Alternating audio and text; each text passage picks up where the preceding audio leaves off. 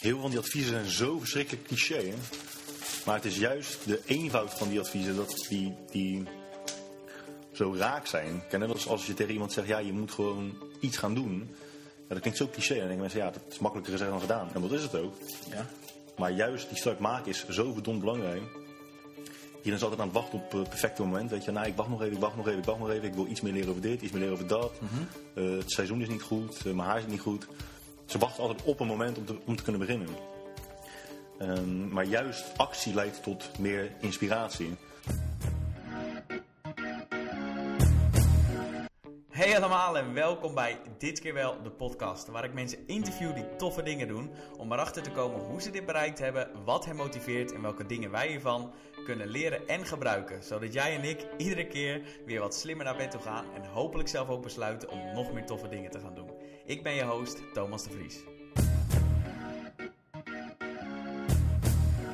Ja, de vierde aflevering alweer. Met als uh, gast Guy Droog, personal trainer, blogger en een van de meest nuchtere en droge mensen die ik in een lange tijd gesproken heb.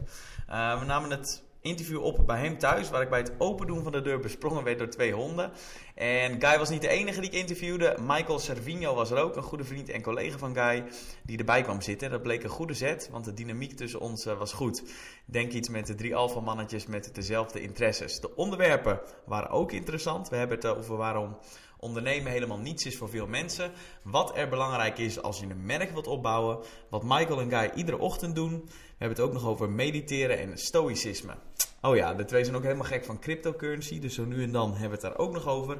En na de podcast hebben we hier nog een uur over doorgeouwehoerd. Ze vinden trouwens ook dat ik op de cryptocurrency trein moet stappen nu het nog kan. Ergens ben ik bang dat ze me over 30 jaar een uitnodiging sturen voor een privéjacht. En zeggen, we zeiden het toch.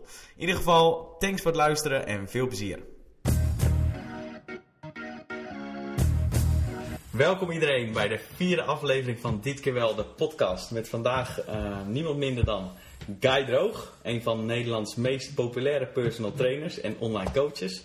Ooit afgestudeerd aan het Grafisch Lyceum en daarna zonder echte opleiding te beginnen als personal trainer.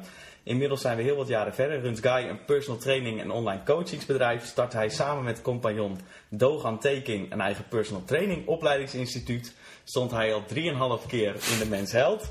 Uh, was met ontbloot bovenlichaam te zien in de reclamefolder van de Zeeman. Heeft zelfs een eigen parfumlijn en geeft tegenwoordig ook marketingadvies aan andere fitnessprofessionals. Kortom, een man met veel talenten. Genoeg reden voor mij om stoute schoenen aan te trekken en hem te vragen hem te interviewen. En toen ik hier binnenkwam net, uh, uh, sloeg ik twee vliegen in één klap. Er is namelijk nog iemand. Michael, uh, zou je jezelf even voor willen stellen? Yes, mijn naam is Michael Savino online coach en personal trainer bij guidroog.com. En Jullie kennen elkaar dus? Ja, ja, we, zien elkaar, Af, ja, we zien elkaar van toe. Af en toe um, tevens uh, ja, partner van uh, Guy en uh, Be The Brand. Waarin ik voornamelijk verantwoordelijk ben voor het coachingsgedeelte. Waarin we coaches en trainers adviseren op het gebied van coaching. Leuk, leuk. Um, nou, genoeg om te over te praten in ieder geval. Laten we dan... vol die introductie. Ja joh. Zo. Zo, hè? Zo, ik ben niet zo boven mezelf. En dit is allemaal waar, hè? Er is geen woord aan geloven. Nou ja, dat klopt. Ja, misschien lichtelijk overdreven, maar...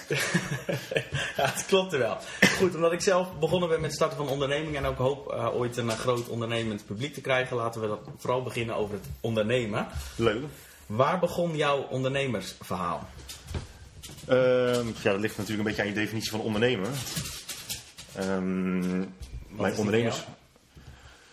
Ja, heel veel mensen verwarren hard werken met ondernemen. Ik denk niet dat beide hetzelfde zijn. Ik denk als je hard werkt, dan ben je niet per se ondernemer. Um, mijn ondernemersverhaal begon wel vroeg. Oké. Okay. Eigenlijk toen ik uh, klaar was met het grafisch... Nee, sterker nog, voordat ik begon met het grafisch lyceum... had ik al bewust de keuze gemaakt om een zo kort mogelijke opleiding te volgen. Omdat ik uh, zo snel mogelijk af wilde studeren. Wat ik eigenlijk nog nooit heel veel waarde heb, uh, heb gehecht aan een, aan een papiertje halen. Okay. Want het idee was altijd, ik ga iets voor mezelf starten. Okay. Dus toen ik 19 was en afgestudeerd, toen ging ik volgens mij uh, een paar weken later naar de, naar de KVK. Om een eigen internetvormgevingsbureau te starten. dat heb ik vier jaar gedaan. En, ja, dus ik zou zeggen dat daar dat mijn ondernemersverhaal is, is begonnen. Oké. 19 jaartjes jong. En heb je dus totaal iets anders gedaan dan personal training, namelijk vormgeven? Vormgeving, ja. Dus ik was eigenlijk, um, ik deed dan uh, de, de frontend, dus eigenlijk alleen het, het, uh, het grafische vormgeven. Ja. En ik haalde er dan partijen bij die dan websites konden bouwen. eh, of drukkers en dat soort, eh, dat soort Oké. dingen. Ehm, dus ja, inderdaad heel iets anders dan, dan personal training. Van waar de switch naar personal training en werken in de fitnessindustrie? Eh, ja, juist omdat ik dus bezig was met, eh, met allerlei grafische dingen. Ehm, nee, laat ik het anders zeggen. Mijn hobby was altijd fitness. Oké. Was fitness. Oké. dus, vroeg- Dat is wel interessant. dus, dus, dus vroeger toen ik nog trainde, Oké. ehm, op een gegeven moment vond ik het ook leuk om op fora hier en daar wat, eh, wat te posten. Mhm. En soms post ik dan wat waar mensen moesten lachen. En toen dacht ik, oh, het is best wel leuk om mensen online te kunnen laten lachen of te informeren. Zo ben ik een blog gestart. Eh, juist omdat ik de kennis had om het te kunnen, eh, was dat een hele makkelijke stap. Dus dat was eigenlijk als hobby erbij een, een blog starten. En dat ging heel snel best wel goed. Beter dan ik had verwacht. Heel veel mensen zeiden, ja, dit, moet je, dit moet je vaker doen. Eh, over het algemeen luister ik niet zo heel vaak naar anderen. Alleen nu dacht ik, ja, ik vond, ik vond het ook gewoon leuk. En het was wel de feedback waar je eigenlijk stiekem op hoopte. Eh, je moet nu al gapen, hè? We zijn net begonnen. Non-verbale signalen geven. Zullen we anders even een dutje inplannen? Naar de pizza. Dus eh, nou, ja, toen, toen ben ik ehm, verder gegaan met mijn blog. Vaker gepost. Op een gegeven moment eh, trok het... eh, En moesten mensen lachen omdat het eh, leuk was of omdat het eh, totale onzin was? Nou ja, ik hoop dat, dat ze het leuk vonden. Ja. Misschien een combinatie van beide. En op een gegeven moment trok, eh, trok mijn blog wel echt eh 3, 4, 5.000 bezoekers per dag. En dat vond ik destijds vond ik dat wel, eh, wel interessant. Oké. Ehm, en van bloggen maakte ik de stap naar online coaching. In het buitenland werd heel veel online coaching al gedaan. En in Nederland zag je dat het eigenlijk nog helemaal niet was. Toen heb ik die eh, stap gewaagd. Ging heel goed. En van online coaching naar personal training.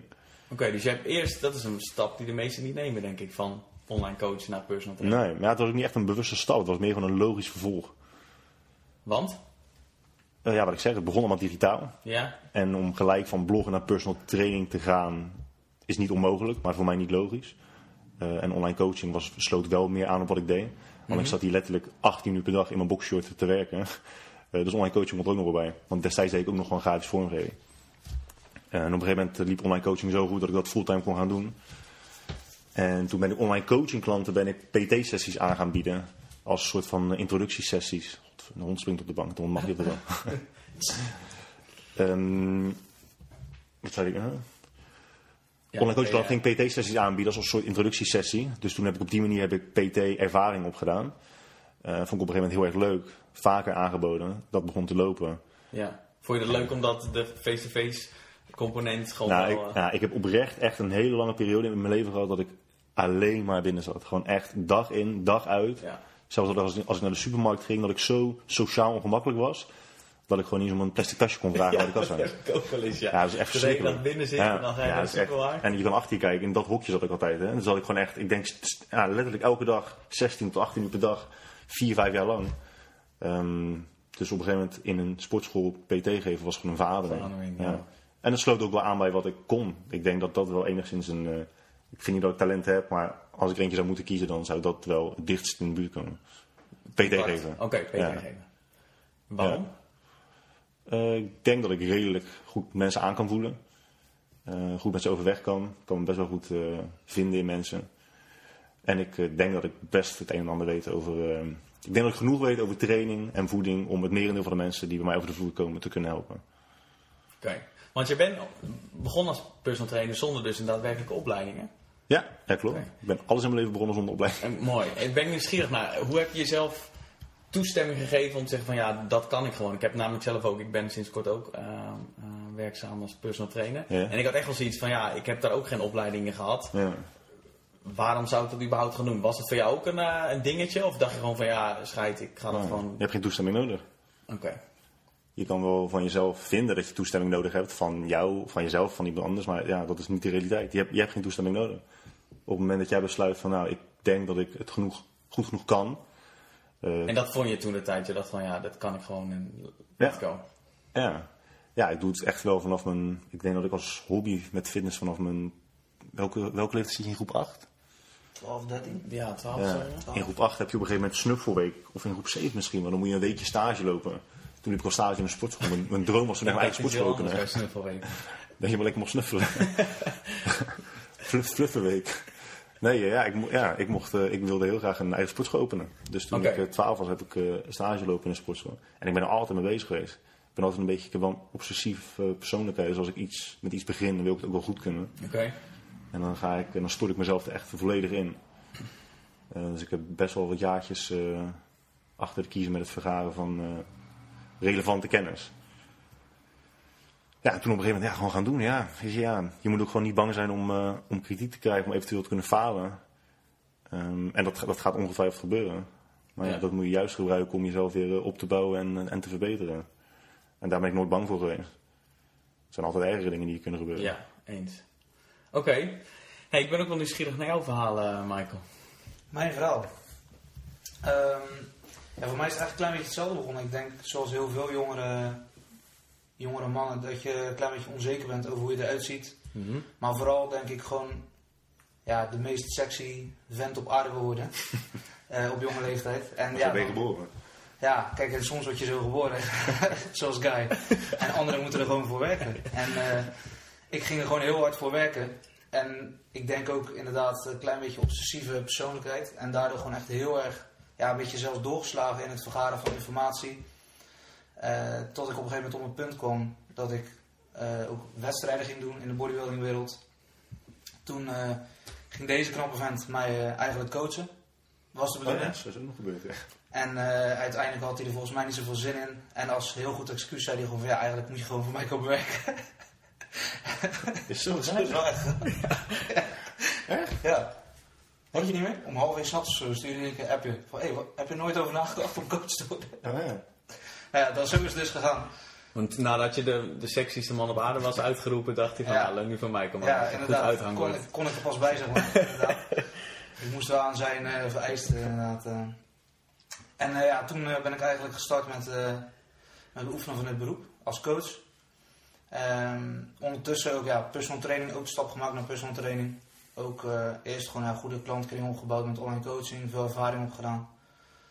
En eh, nu eigenlijk bezig met personal training, nog niet zo heel lang, net een jaartje.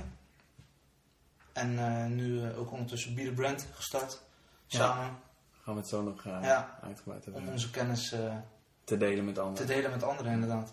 Er staat niet op mijn vragenlijstje, maar wat, wat denk je dat het belangrijkste is voor een goede online coach?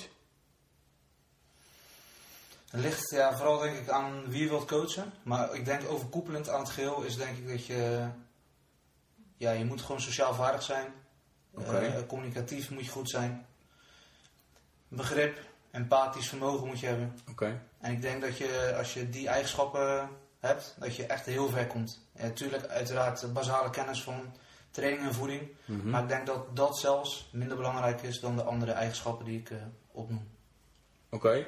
En communicatie, ja, is dan vooral digitaal? Ehm, Ja, telefonisch, Skype, eh, via de mail, via WhatsApp. Oké. Dus ja, communicatievaardigheden zijn belangrijk. Vind je dat ook? Lastige vraag. Ja, omdat Ja. je gezegd, ja, je, je, je hebt natuurlijk gewoon basiskennis nodig. Maar ja, weet je, als je antwoord geeft op zo'n, op zo'n vraag, dan moeten we er dan van uitgaan dat dat stuk al voor zich spreekt. Dus je hebt een, ja, je hebt, ja, wat is het belangrijkste eigenlijk van een online coach? Ja, sowieso, hij moet wel weten waar hij het over heeft. Tuurlijk, ja, de goede informatie geven. Als, als we even als we loskijken, van, als we het los beoordelen van alle, alle vanzelfsprekende eigenschappen, Mhm. denk ik dat empathie wel heel hoog scoort hoor. Je ziet eh, heel veel trainers en coaches hebben een bepaald systeem waar ze zich aan vasthouden. Mhm. En die kunnen daar ook gewoon niet van afwijken. Het is niet per se slecht hoor. Maar ik denk wel dat een, een goede coach eh, heel hoog inlevingsvermogen en heel hoog aanpassingsvermogen heeft. Als je doel is zoveel mogelijk mensen helpen. En niet zozeer een hele specifieke persoon helpen. Er zijn ook mensen die, die hebben die methode die voor hun werkt. En als je als, En die leren dat ook aan andere mensen. ja, en als je dat niet ligt, dan ben je pech. Eh, dan, moet je, dan, is, dan is die coach niet geschikt voor jou. Maar ik denk dat het wel een hele goede eigenschap is van een, van een coach. Van een mens eigenlijk zelfs. Ja. Oké, en heb je door het digitale wel eens moeite om ehm, te begrijpen wat iemand bedoelt? Ja, ik heb daar zelf niet zo heel veel moeite mee gehad, eigenlijk nooit. Oké.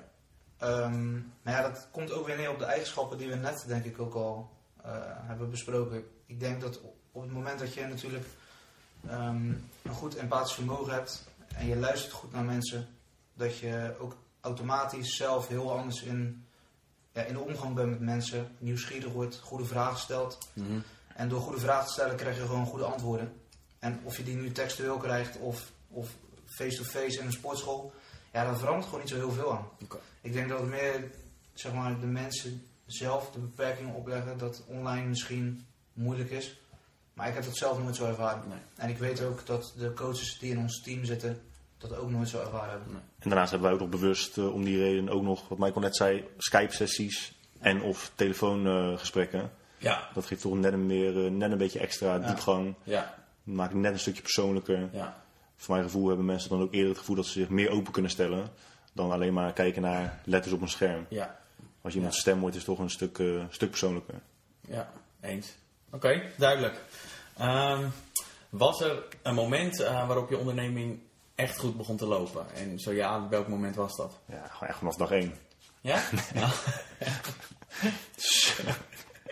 je zei het wel heel serieus. Oh man, nee, nee, nee. Nee, ik denk niet. ehm, je hoort heel vaak mensen, bijvoorbeeld als, als, een, als een Justin Bieber op een gegeven moment heel erg populair wordt, dan zeggen mensen vaak van ja, wat een eh, overnight, succes. Mhm. Ja. succes, ja, ja. Ja, dat bestaat niet, man. Dat is echt gewoon onmogelijk. Eh, als je de loterij wint, ben je misschien een overnight succes. Als je succes wilt definiëren als iemand die heel veel geld heeft. Maar nee, er is geen, er is geen exact moment geweest. Het is echt gewoon ja, accumulatie van de laatste negen jaar. Eh, tien jaar. Ja, tien jaar inmiddels. Godverdomme. En op een gegeven moment wordt het gewoon meer en meer en meer en beter en beter en beter. Er is wel een jaar waarin, het, waarin je opeens zoiets hebt van zo, dit jaar is echt heel goed geweest. En dat is niet zo lang geleden voor mij. Dat is denk ik drie jaar geleden. Welk jaar is het nu? Ja, drie jaar geleden. Ik denk dat echt drie jaar geleden dat het een beetje begon te lopen. En iedereen wil natuurlijk gelijk binnen een week of binnen een maand. Een jaar is al helemaal eh, overdreven lang om over na te denken. Stel je voor dat je een jaar lang moet zoeken. Maar het heeft voor mij gewoon ook eh, zeven jaar geduurd. Ja, ik dacht Zeven ook, lange toen, jaren, toen ik begon dacht ik over een jaar dan zit ik ergens met mijn reet in Bali. Ja, nooit. Ja, je kan, ja, je Ja, later Bali. zat ik nog steeds op mijn kamertje. ik denk, oh, Bali komt wel. Je kan met Ryanair naar Bali vliegen en in een boom zitten. Ja, ja, ja, ja, dat kan ja. Nou ja, ja. maar dat is, dat is ook wel weer leuk. Het is uiteindelijk wel echt waard geweest hoor. ja. Is dat leuk? Of achteraf leuk? Op, het moment zelf ook? Of, uh, Ja, ik, ik kik daar wel op. Het het feit dat het ja. moeilijk is. Ja, het is dat het allebei de kant op kan. Ik denk dat het een beetje hetzelfde is als met gokken. Je, je, mensen gokken vaak met de hoop dat het kan klappen, dat het goed kan worden. Mhm. Maar ook de spanning dat het toch elke keer mis kan gaan, brengt ook wel een extra dimensie met zich mee. En, dat, en dat is ook met ondernemen ook wel zo. Hè? Het, kan, het kan zo, zo verschrikkelijk misgaan. Maar je, je blijft doorgaan omdat, je, omdat de gedachte dat het wel slaagt, ja, dat is gewoon geweldig. Ja. En daarnaast, zelfs als je aan je onderneming werkt en het loopt niet, heb je nog steeds in heel veel gevallen de luxe dat je toch wel een stuk meer vrijheid hebt. Ja, En vrijheid is voor mij ook wel veel geld waard. ja. En als jullie falen, geeft dat jullie energie of niet fijn? Eh, hoe, zou je eh, hoe zou je falen definiëren? Ehm, niet de uitkomst die je verwacht had? Ja, dan ligt het aan de, de, de grootte van de tegenslag. Oké. Klein is oké, als het groot is dan is het... Ja, er zijn mensen die krijgen er energie van. Dan denken, als ze falen denken, fuck it. Ehm, Ja, ik, ik denk oprecht niet dat als jij, als jij niet, als, jij, als jouw belastbaarheid laag is, je stressbestendigheid laag is, Moet je dit niet en, doen. nee, en je kan niet Nee. omgaan met falen, of jij vindt dingen al heel snel falen. Ja. Ja, ik, heb, ik heb denk ik nog nooit de laatste tien jaar het woord falen gebruikt. Oké, dus je ziet het gewoon niet als falen. Je ziet het gewoon als leermoment of feedback. Of... Je probeert, eh, je probeert iets, en uiteindelijk blijkt dat het niet de beste keuze is geweest, Ja. en dan probeer je wat anders. Ja, Opties zijn eindeloos. oké. En als je op één paard werd, ja, dan ben je sowieso niet heel verstandig bezig. oké. Dus jij ziet het überhaupt niet als falen. Heb jij dat ook? Ja, ik denk, ja, eigenlijk wel. Want het, ja, wat is falen? Falen is pas echt wanneer je natuurlijk op, het, op de point of no return kan. Dat het gewoon niet, ja, dat, dat, dat je een punt bereikt dat je gewoon letterlijk niks meer kan doen eh, om het beter te maken. Ja. Dan moet je natuurlijk wel echt extreem, dan denk je echt in extreme, zeg maar. Ja. En ook dan kun je Dat je zelfs misschien dan, ook ja, wat anders gaan ja, doen. dan kan je wat anders gaan doen. Ja. En dan open je natuurlijk heel veel nieuwe deuren. Ja, stel, je voor, stel je voor, we hebben nu Be The Brand en we gaan eh, de eerste cursus eh, gaan we doen. En na twee maanden zijn we klaar. En je hoort gewoon van 50 mensen van ja, luisteren. eh, ik vond gewoon echt helemaal niks. Echt helemaal kut. Ik denk dat voor de meeste mensen zou die tegenslag zo groot zijn dat ze denken, ja, ik ben er gewoon helemaal klaar mee. Ja. Ik denk dat wij meer mensen zijn die bekijken, kunnen we iets met de feedback? Kunnen we daar genoeg aan veranderen? Als de feedback zodanig extreem is, waar we het gewoon blij, want we hebben denk ik wel genoeg zelfreflectie en zelfkennis om dan te beslissen van, ja, dit is gewoon niet voor ons. Oké. Ja, dan stop je er gewoon mee. Dan doe je aan zoveel mogelijk damage control. Ja. Eh, en dan, ga- ja, Check dan ga de je door. downside, Ja, en je gaat gewoon door. Mijn vriendin zegt wel eens, ja, je moet wel echt eh, kijken wat je doet met je, met je verzekering en zo. Maar ja, stel je voor dat je ooit arbeidsongeschikt wordt. Ik zeg, schat, al ben ik echt tot aan mijn nek toe verlamd. Ik vind echt wel iets om te kunnen doen. Ga ik uh, mondharmonica spelen. Wat mooi. Ja, oké, dus dan maak je... eh, ja, die luchtigheid is ook wel belangrijk, denk ik, toch? Omdat, Ja. Dat perspectief. Ja, sommige mensen zeggen wel eens dat ik te nuchter ben. Maar ja, ik heb er nog tot nu toe helemaal geen last van. Nee. nee ik heb wel eens, toen ik, zeker toen ik begon, mijn hele identiteit zat aan het eh, bedrijfje vast. Ja. Alles was, eh, als het goed dan was ik helemaal te... En terwijl, het is zo'n klein deel van, van het geheel. En of het nou wel lukt, of over een jaartje, of het lang, een jaar langer duurt, maakt niet zoveel Ja, heel maar veel dat ook heel erg door anderen. Hè? Ik bedoel, heel veel mensen, als je net begint met je bedrijf, zeggen mensen, zo, je bent goed bezig. Je bent, ja, je bent zo goed bezig. Ja. Of heb je klanten en hoe gaat het en zo? Oh, misschien moet je dit doen, misschien moet je dat doen. Of mensen zeggen, ja, maar daar kan je toch nooit van leven. Maar dat heeft toch, dat heeft toch invloed op je, op je gevoel. En dan Ja. ga je dat toch, ja. Ja. Oké, en hoe heb je geleerd om daarmee om te gaan? Of hoe hebben jullie geleerd om daarmee om te gaan? Met falen? Nee, nee, met de, de feedback van anderen, de meningen van anderen. Moet ik antwoorden? Nee, we kunnen allebei antwoorden. Ik Tegelijk, hè? Drie, twee. nee, ik heb voor mezelf, eh, mm, ik ben heel streng naar mezelf. Maar ook wel echt naar eh, mensen om me heen. Niet, dat ik, eh, niet in de zin dat ik verwachtingen van ze heb. Ik heb Mhm. nooit verwachtingen van, eh, van, van anderen. Ehm, Ook wel interessant. maar ik, ja... Op het moment dat ik besluit dat ik iemand hoog heb zitten... dan zal ik ook echt feedback van die persoon echt altijd... ehm, extreem serieus nemen. Oké. En dat is een hele kleine groep mensen. En als ik van die mensen feedback krijg... zal ik echt altijd Iets mee kunnen... Ik zal het in ieder geval overwegen. Oké. Heel sterk overwegen. ja. in ieder geval meenemen. ja. Oké. mening of feedback van ehm, het algemene publiek Mhm. doe ik iets minder mee. Oké. Kijk, als iemand tegen me zegt, als, als ik van tien mensen hoor, ja, je website eh, is niet helemaal eh, in orde. Ja. Tuurlijk, hè, dan, dan herken je wel snel een patroon. Ja. Ehm, maar heel veel mensen, nee, niet heel veel mensen, iedereen wil altijd een mening hebben. Iedereen wil ook altijd een mening uiten. ja. En die krijgen ze ook, ook een podium via het internet en zo. Dus iedereen Nou kan ja, precies. Ja. Je kan gratis je mening eh, de Ja. wereld in blaten. Ja. Maar ja, ja, moet je er altijd iets mee doen? Nee. nee. ik denk dat je gewoon een, mens, een groep mensen om je heen moet verzamelen. En die moet je altijd om eerlijke feedback vragen. Want ja, ja, je kan wel feedback krijgen van iemand die helemaal niet weet waar hij het over heeft. Als, ik feedback, als, als Michael feedback krijgt van iemand die niks weet over coaching. Ja, Ja. Ja. ja. Wat moet je daar dan mee? ja. Alleen feedback nemen van mensen die zelf ook in de arena staan. Ja, weet je wel. En het is, niet, het is niet dat ik er niet voor open sta. Ik, zeg niet, ik sta niet open voor feedback. Ik, ik luister er nog steeds Ja. naar. Maar ja, Hey, stel dat je... Nee, wat voor advies zou je geven aan iemand die nu zelf wil beginnen met het starten van een onderneming? Of nou in de fitnessindustrie is of ehm, ergens anders. Ehm, als ik één tip zou moeten geven. Nou, weet je wat het is? Een paar mag ook. En ik weet al dat die vraag er straks aan gaat komen, dus ik ga hem nu al een soort van half beantwoorden. Heel veel van die adviezen zijn zo verschrikkelijk cliché. hè. Maar het is juist de eenvoud van die adviezen dat die, die zo raak zijn. Net als als je tegen iemand zegt, ja, je moet gewoon iets gaan doen. Ja, dat klinkt zo cliché. En dan denken mensen, ja, dat is makkelijker gezegd dan gedaan. En dat is het ook. Ja. Maar juist die start maken is zo verdomd belangrijk. Iedereen is altijd aan het wachten op het perfecte moment. Weet je, nou, ik wacht nog even, ik wacht nog even, ik wacht nog even. Ik wil iets meer leren over dit, iets meer leren over dat. Eh, het seizoen is niet goed, eh, mijn haar is niet goed. Ze wachten altijd op een moment om te, om te kunnen beginnen. Ehm, maar juist actie leidt tot meer inspiratie. Ehm, en daar ben ik altijd heel erg voorstander van geweest. Als je gewoon iets gaat doen, net als, ik- als ik bijvoorbeeld mijn... Stel je voor, ik, ga mijn, ik wil iets veranderen aan mijn website. Heel veel mensen gaan dan eerst nadenken van wat ga ik dan precies veranderen? Wat zou beter kunnen? Maar juist door gewoon te gaan zitten, eh, je website erbij te pakken en gewoon een beetje te gaan spelen ermee. Dan loop je al heel snel tegen dingen aan die je niet zou herkennen als je eh, vooraf na had gedacht. Oké. Dus jij zegt beginnen. Ja, en dat is mijn eigen ondernemingsstrategie. Als jij, als jij gaat nadenken over ehm, een moment om te starten, dan beredeneer je vanuit het huidige startpunt en wat je weet van ondernemen, van een business runnen. Eh, maar die kennis is nog heel beperkt op dat punt. Je doet juist kennis op over wat je, wat je, waar, waar je tegenaan gaat lopen, waar je rekening mee moet houden op het moment dat je gaat starten.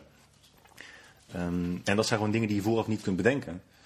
Dus daarom heb ik altijd zoiets van, ja, begin gewoon en zorg ervoor dat als je fouten maakt, dat die fouten te herstellen zijn en dat ze het liefst ook goedkoop zijn. Dat je niet gelijk financiële problemen, Oké. problemen Dus komt. de risico's zo min mogelijk maken. Ja, natuurlijk, ik woon hier op de Nieuw Binnenweg, tenminste vlakbij de Nieuw Binnenweg. en ehm, hier zie je gewoon mensen die openen een winkel. Ja. Echt, die komt uit het, uit het niets komt die oppoppen. Eh, heel ongepast. Dat je hele, hele slechte, slechte winkel in deze buurt open. En dan zie je ook dat die binnen een maand is die weer weg. Ja, dat is een dure fout om te, om te maken. Dus maak je fouten wel zo goedkoop mogelijk. Maar goed, crux van het advies is... eh, Beginnen. En heb je nog een, een tip om het makkelijker te maken om te beginnen? Want heel vaak wordt er gezegd dat dat juist het moeilijkste is. Ja, het klinkt heel, heel hard, maar. Nou, weet- net als, net als met, met, met fitness, en dat kan Michael dan ook wel beamen, denk ik, dat heel veel mensen willen wedstrijd fitness doen, of wedstrijd bodybuilding, omdat heel veel anderen het ook doen. Het wordt een hype. En dat is nu met ondernemen ook zo. Heel veel mensen willen ondernemen omdat anderen ook ondernemen. Ehm, en omdat we in een, in een tijd wonen, leven, waarin mensen ehm, heel weinig willen werken, heel veel geld willen verdienen, heel veel vakantiedagen willen krijgen. Ehm, en die, en die, dat vinden ze niet. Dus gaan ze ondernemen. Maar 9 van de 10 mensen kunnen het uiteindelijk gewoon echt niet. Ja, dat, is, dat was mijn volgende vraag. Is het voor iedereen ondernemen? Maar echt absoluut niet. Nee, ja. Nee, echt voor de minderheid. Ja, punt. Ja, punt. Eens, Michael? Of eh, Ja, ja. geen spel tussen te krijgen? Nee, nee, nee. En jij nog een eh, tip voor iemand die wil beginnen? Ehm, ik zou het voor mezelf een klein beetje hypocriet vinden om nu tips te gaan geven over ondernemen. Omdat ik zelf ook eh, ja, niet, echt, niet echt een ondernemer ben zoals Guy, zeg maar. Kijk, ik, ik werk natuurlijk wel voor guydroog.com, voor Be The Brand. Ja. Ehm, mijn, mijn risico is gewoon heel eerlijk gezegd gewoon heel laag. Echt eigenlijk non-existent, zeg maar. Ehm, dus ja, ik heb zelf niet heel veel ervaring met zeg maar, het nemen van risico's, het maken van het, het- zeg maar, de noodzaak om, om helemaal in je eentje echt iets op te moeten bouwen. Of, maar ik weet wel dat, wat Guy net ook al zei, ja, heel veel mensen wachten op inspiratie, op motivatie. Mhm. Eh, om dan vervolgens actie te ondernemen. Maar vaak is het juist actie die motivatie en inspiratie stimuleert, zeg maar. Het is vaak omgedraaid. Dat, ja, dat is denk ik wel echt heel belangrijk. En ik denk dat in plaats van jezelf af te moeten vragen wat je zou willen, zou je jezelf denk ik heel sterk moeten afvragen waar je voor zou willen leiden, zeg maar. Gewoon wat, ja, waar wil je opofferingen voor maken? Ja, is dat, goeie, is dat ook een component dat je het echt leuk moet vinden? Dat, dat belangrijke variabele? Omdat het zo hard is, omdat het zo moeilijk is, omdat het zoveel tijd en ligt eraan, ligt kost? eraan, ligt eraan hoeveel, eh, hoeveel opofferingen je kunt verdragen, hoeveel lijdenis Ja. je kunt verdragen. Dat is een vraag. Dat maakt het dan een heel stuk makkelijker als je het leuk vindt. Heel Maar jij zegt niet dat het nodig is. Niet, je moet passie ervoor hebben, anders eh, hou je het niet vol. Jij zegt dat, of jullie zeggen dat dat niet Nee, nodig Ik, is. ik vind dat zelf overrated. Ja, zeg maar. Ik vind dat... eh, Oké, want waar, als je het niet echt leuk vindt, dus dan moet je een hele sterke andere motief. Moet je heel graag cool maar gevonden worden of je heel graag veel geld willen verdienen. Of zo, Geld dan is ook genoeg. ja. Kijk, je moet whatever beetje- keeps you going. Ja. Ja, wanneer vind je iets leuk, zeg maar. Kijk, weet je, heel veel dingen die je doet vind je leuk. Maar op het moment dat ze heel moeilijk zouden zijn, zeg maar, of dat je er echt heel veel opofferingen voor zou moeten laten, zouden ze dan nog steeds leuk zijn. Kijk, heel veel dingen zijn leuk omdat ze gewoon redelijk makkelijk zijn, die je doet, zeg maar. Kijk, mensen vinden trainen vaak leuk omdat het best wel makkelijk is. Je gaat gewoon naar de gym. Maar wil je echt een next level fysiek hebben, ja, dan moet je gewoon next level dingen doen. Ja. Maar dan wordt het ineens veel minder leuk. Oké. Het zijn vaak de opofferingen, de moeilijkheidsgraad, eh, die het minder leuk maken. En ik denk dat als je bereid bent om die opofferingen te maken, et cetera, dan denk ik dat je iets gevonden hebt wat je automatisch ook wel ergens eh, de noodzaak in ziet. En leuk vindt om te... Mensen zeggen vaak, eh, als ik, tenminste nu zeggen ze dat niet meer, maar een paar jaar geleden zeiden ze dat als ik zei ik ben personal trainer. Ja, dat is zo mooi, je hebt echt van je passie je beroep gemaakt. Maar zodra je een passie of een hobby hebt en je gaat het elke dag, heel de dag door doen, is de kans heel, heel sterk aanwezig dat het op een gegeven moment niet meer je hobby wordt. Ja. Of niet meer je passie. En Ja. natuurlijk, ja, wat, wat ik net zei, het helpt echt wel hoor, als je het, als je het leuk vindt. Bedoel, als je elke dag op moet staan en je gaat met tegenzin. Maar dat is het ook. De meeste mensen gaan met tegenzin Ja, naar hun werk. ja, 20, ja. 30, 40 jaar lang. Ik liep net nog op het station, al die gezichten. Zo. Ja. Ja. En ja, met ondernemen ehm, kan het heel anders zijn, maar het hoeft niet per se heel anders te zijn. Het is alleen zo dat, kijk, als jij vanaf dag 1 naar je werk gaat, krijg je vanaf dag 1 je loonstrookje, je salaris. Ik heb het echt de eerste paar jaar gewoon met gemiddeld 500 euro per maand moeten doen. Ehm, dat is niet veel. En dat heb je waarschijnlijk niet als jij gewoon bij een baas werkt. Ja. Tenzij je ergens in Kenia werkt. ja. Dan is het nog iets minder, denk ik. ja, 500 euro per jaar. Alleen dan, ja, dus, dus als, je, als je ook al weinig geld verdient en je doet iets wat je niet leuk vindt, is de kans dan heel klein. Ja. Tenzij je zo hoopvol bent over de toekomst, dat dat je draaide. Ja, duidelijk. Hey, ik heb hier je, maar jullie zijn sinds kort ook een nieuw, of hebben een nieuw product op de markt gebracht. Be the Brand. Wat is het precies? Waarom hebben jullie het op de markt gebracht? En hoe belangrijk is een brand als je een onderneming start? Het zijn drie vragen in één.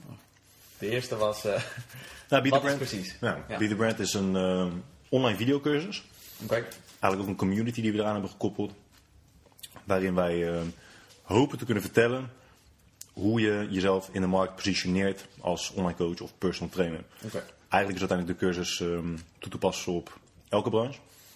Alleen wat mij kost deel vooral eh, het coaching eh, gedeelte ehm, specifiek, spe- specifiek over fitness en, en, en eh, bodybuilding, dat soort dingen, ehm, behandeld. Is het voornamelijk gericht op, op deze branche. Alleen, ehm, ja, wat je gewoon ziet, heel veel, er zijn zoveel opleidingen en zoveel cursussen en artikelen en boeken over hoe maak je een schema. Tenminste, dat, nog- dat nog niet eens. Bedoel, Hoe, hoe doe je een squat? Eh, hoeveel herhalingen moet je doen? Hoeveel eieren Ja. moet je elke dag eten? Dat weten mensen inmiddels wel. Ja. Alleen hoeveel trainers weten nu daadwerkelijk, als ze die basiskennis hebben, van oké, en, ja, en nu? Eh, hoe waardevol is mijn logo? Hoe bepaal ik mijn doelgroep? ja. Ehm, Hoe waardevol is een logo volgens jullie? het, is, eh, nou ja, eh, het, is, het is een symbool. Kijk, heel veel mensen zeggen, ja, maar het, is super belangrijk. Kijk maar naar Apple. Als jij het Apple-logo ziet, dan weet je gelijk dat het van Apple is. Ja. Ja, Maar aan het komt is dat totaal niet belangrijk. Dat komt niet, door, slaat dat komt niet door het logo, dat komt Nee. door het bedrijf. En de, de logo, het Ja. logo is gewoon het symbool dat eraan vast is Exact, ge- ge- ja. gekoppeld. Oké. Eh, en met een logo is het het mooiste, dat, we hadden het net over, dat iedereen een mening heeft. Mhm. Met je logo en je website. Iedereen zal altijd een mening hebben over je, Ja. je logo en je website. Dus jullie eerste stap is niet een logo en visitekaartjes? Nee, nee, nee. Wel een flyer. Hoi, oké. Ehm, en waarom hebben jullie het op de markt gebracht? Nou, wat ik nou aangaf. Heel veel trainers missen dat, eh, dat component in, hun, in hun kennis. En het is jammer om te zien dat zoveel beginnende trainers op dat vlak, nou falen wil ik niet zeggen, maar dat ze daar eh, vastlopen en dat ze daardoor actie uitstellen. En we hopen ze op die manier eh, op gang te kunnen brengen. Oké. Ik ga vooral behandelen ehm, welke belofte je wil maken. Dus hoe, eh, hoe richt je je marketing in, je communicatie en dergelijke. Ja. En Michael gaat ervoor zorgen dat de beloftes die ze uiteindelijk maken, dat je die ook waar kunt maken. Oké. Dus hij gaat meer in op de praktische vaardigheden, de praktische kennis. Oké.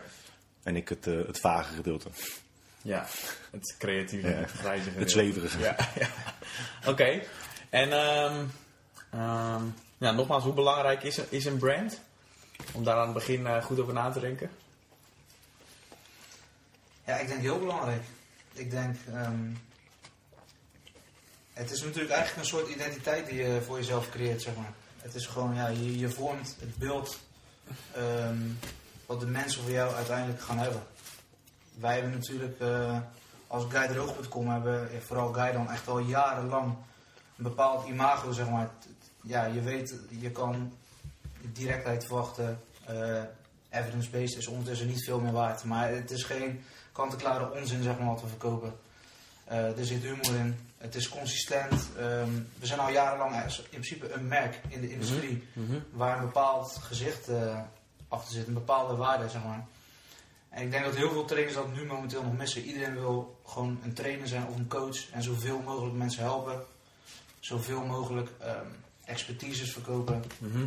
Maar ja, dat is allemaal het minimale vereiste wat je überhaupt moet hebben om, om een eigen onderneming te hebben. Zeg maar. Het is niet, niet spannend meer. Wil je in deze markt opvallen, dan ja, zou je iets moeten hebben wat, eh, wat je een identiteit geeft. Ja. En eh, ervoor zorgt dat je werk, eh, werk hebt, zeg maar. Oké.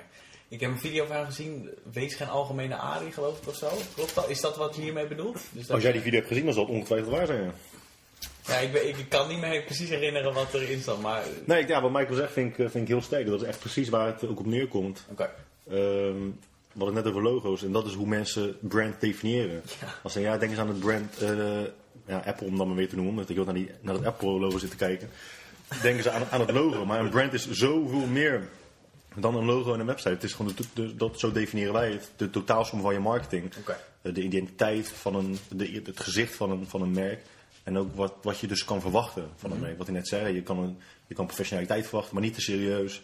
Ehm, directheid, allemaal dat soort zaken. Dat is waar mensen aan denken als ze denken aan de brand Keidroog.com. Tenminste, hoop ik. Dat heb ik altijd geprobeerd. Ja. En dat is heel belangrijk. Dat, is, eh, dat is authenticiteit eigenlijk. En dat is in deze industrie wel heel, heel belangrijk. Over authenticiteit gesproken. Eh, je hebt op Instagram wel eens een post gemaakt waar, waarin je vertelt dat je vroeger was uitgescholden werd voor, ik meen, homo of jood of zo. Een van die twee. Ehm, vond ik authentiek. Eh, nogmaals, jij vindt dat belangrijk. Waarom is authenticiteit zo belangrijk? Een beetje gezegd al, maar...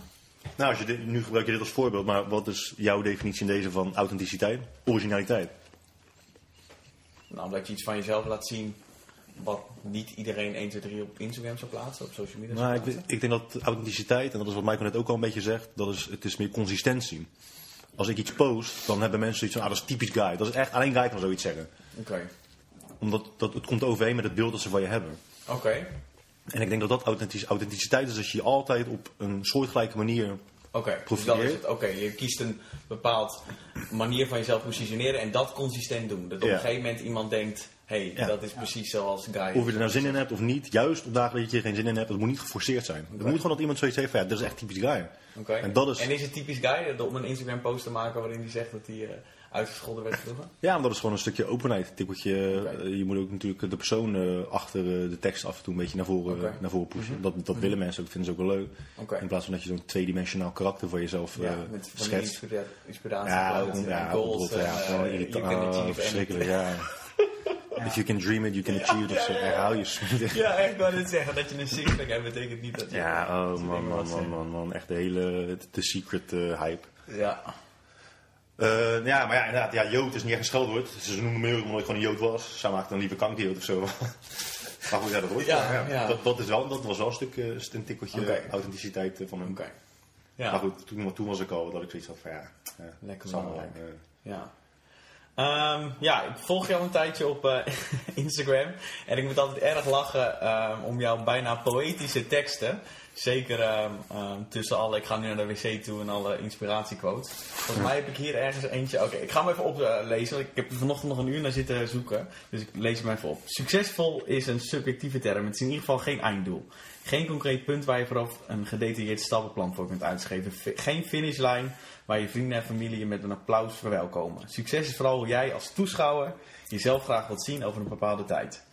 Ehm, nou, ik vond de inhoud van de post al mooi, maar Heb ik dat geschreven? dat heb jij geschreven. Mooi man. Maar nog, maar nog nieuwsgieriger ben ik naar ehm, waarom schrijf je die teksten? En hoe kom je eraan? Zo, nee, hoe kom je eraan en waarom schrijf je Nou, hoe kom ik eraan? Ik eh, haal het gewoon van internet af en dan pak ik het in mijn. Engelse teksten die vertaal je gewoon uit Nederland. Nee, verzin je die echt zelf? Ga je daarvoor zitten en, of komt het in je op? En, eh, ja, meestal ontstaat, het een, ontstaat een post eh, of want het was, hij was langer dan deze. Het was een lange tekst met veel... eh, te lang om te lezen. te lang om Ja. te lezen. Ja, of het ontstaat, en meestal ontstaat het gewoon vanuit een gedachte en dan ga ik daar gewoon een paar dagen mee spelen of, of een, een paar uur. En dan ga ik er iets van maken. Oké, Waarom ik het schrijf? Ik vind schrijven gewoon leuk, heel simpel. oké. Ik ga er niet iets moois van maken. Ik ga niet zeggen, ja, ik wil iedereen inspireren en iedereen motiveren om eh, het allerbeste uit zichzelf te halen. Ik, vind schrij- ik schrijf omdat ik schrijven leuk vind. En toevallig is een ehm, positief gevolg daarvan dat mensen het leuk vinden en ook daadwerkelijk actie ondernemen. Als ik eh, de mails en berichten moet geloven. Ja, dus ik blijf het gewoon doen. Oké, dus dit is ook wel de positieve ehm, feedback die je krijgt van mensen, dat ze er ook daadwerkelijk wat aan hebben. Wat Ja, dat, dat vaker. De, ja, feedback eh, vind ik dan weer minder, eh, minder spannend. Ik vind het wel leuk dat ze, dat ze echt iets mee doen. Dat ze er echt iets mee doen, vind ik gewoon, vind ik gewoon Als leuk. dat niet zou zijn, zou je het dan nog steeds doen? Ja, ik denk het wel. Ik vind het gewoon echt leuk om te schrijven. Het is ook gewoon goed om een beetje, het zorgt ook voor mentale rust. Vaak hebben mensen dat ze alles in hun kop proppen en het nooit uiten. Soms schrijf ik ook gewoon dingen op in een, in een notitieblokje en dan doe ik er verder niks Schrijf mee. het gewoon van je af. Ja, ja. ja. Ben je dat ook? Ja, heel erg denk ik. Ik denk dat we allebei ook wel, tenminste als ik, eh, ik ken Guy natuurlijk ondertussen ook, ik denk dat we allebei ook wel niet zozeer, zo, ja ik weet niet, ik denk dat we het toch wel als een soort uitlaatklep gebruiken zeg maar. Ik denk dat we het allebei ook wel fijn vinden om de manier waarop wij dingen zien, Mhm. dingen zelf naleven, om dat gewoon naar de buitenwereld te brengen. Omdat wij oprecht geloven dat de manier waarop wij het doen heel veel anderen ook verder kan brengen zeg maar. Oké.